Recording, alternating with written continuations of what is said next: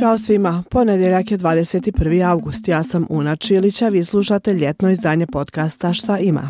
Pa hajde da počnemo. One, two, three, Danas su u Bosni i Hercegovini najavljeni protesti protiv nasilja nad ženama.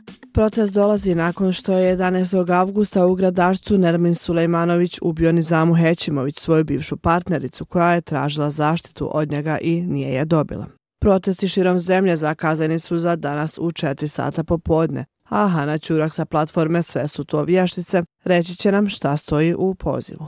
Evo, vještice čitaju poziv koji je stigao do nas i na koji smo se odlučile odazvati. Pozivamo sve vještice ovim putem da nam se pridruže. Gdje god da se zadesiš, samo ili u grupi na poslu, u autu, u kuhinji, u prodavnici, na ulici, stani na 15 minuta ti koja radiš, liječiš, učiš, voziš, čistiš, stani. Obustavi svoj rad, odbij poslušnost. Ako stanu žene, staje svijet. I za protesta ne stoji ni jedna partija, ni jedna nevladna organizacija, ni jedna grupa, niti institucija. Proteste samostalno i spontano organizuju žene Bosne i Hercegovine. Naš rad pokreće ovo društvo. Ako mi nismo slobodne, onda neka stane sve. Ubistvo Nizame Hećimović stavilo je u fokus obim nasilja nad ženama u Bosni i Hercegovini, ali i manjkavo sistema zaštite. Podaci OSCA kažu da je skoro polovina žena u BiH iskusila neki oblik nasilja od svoje 15. godine, dok podaci Visokog sudskog i tužilačkog vijeća BiH pokazuju da je tokom prošle godine nasilje u porodici prijavilo 2290 osoba. Osim prijave nasilja, porastao je i broj poziva na SOS linija za pomoć ženama i prijavu nasilja u porodici. Mirzeta Tomljanović, koja dežura na 1264 broju za pomoć u Republici Srpskoj, kaže da je u zadnje tri godine došlo do porasta broja poziva, a prijave su imali i tog petka kada se desilo ubistvo u gradašcu. Ali šta kada žena nazove tražeći pomoć od njih? Šta može da očekuje? Sve zavisi od trenutne potrebe žrtve same. Ukoliko se radi o žrtvi koja trenutno trpi nasilje, onda se samo uzmaju od nje najosnovniji podaci, a to su ime, prezme i adresa i poziva se odmah policija koja se obavještava da se na toj i toj adresi dešava nasilje. Naravno, mi ne govorimo da nas je žena zvala kako bismo je zaštitili. Njen poziv je za policiju anoniman, a mi znamo u stvari da je ona zvala jer su one plaše da kažu u svoje ime i prezme. Upravo evo vidite ova žena šta je rekla u svoje izjave. Plašla sam se za sebe i dijete, zato ga je prijavila. Nažalost, ona nije naišla na razumijevanje.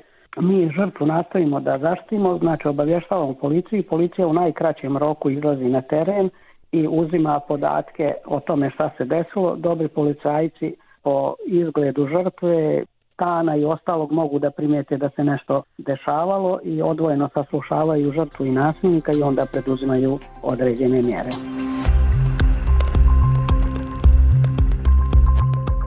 Drugi mehanizmi zaštite žena uključuju i sigurne kuće kojih je u BiH 8 sa ukupno 200 raspoloživih mjesta.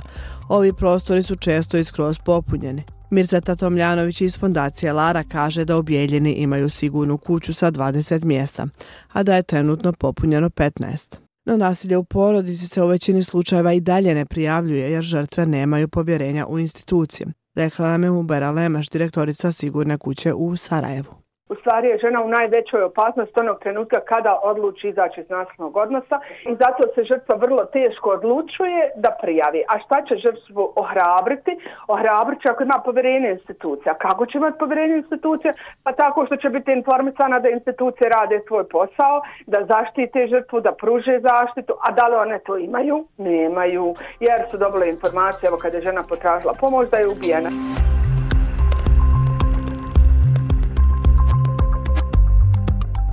Jedna od tri, jedna od četiri, svaka druga. Ovako često zvuče statistike kada čitate o nasilju nad ženama u BiH ili skoro bilo kojoj zemlji na svijetu. Nasilje nad ženama u porastu je, upozoravaju brojne organizacije. Stoga da ponovim par stvari.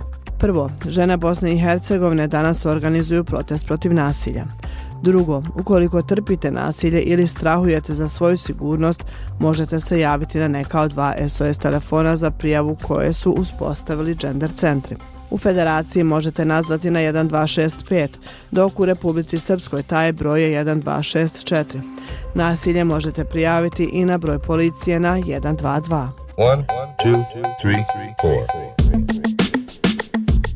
To je to od mene za danas. Ostanite sigurni i čujemo se naredni ponedeljak. Već znate gdje.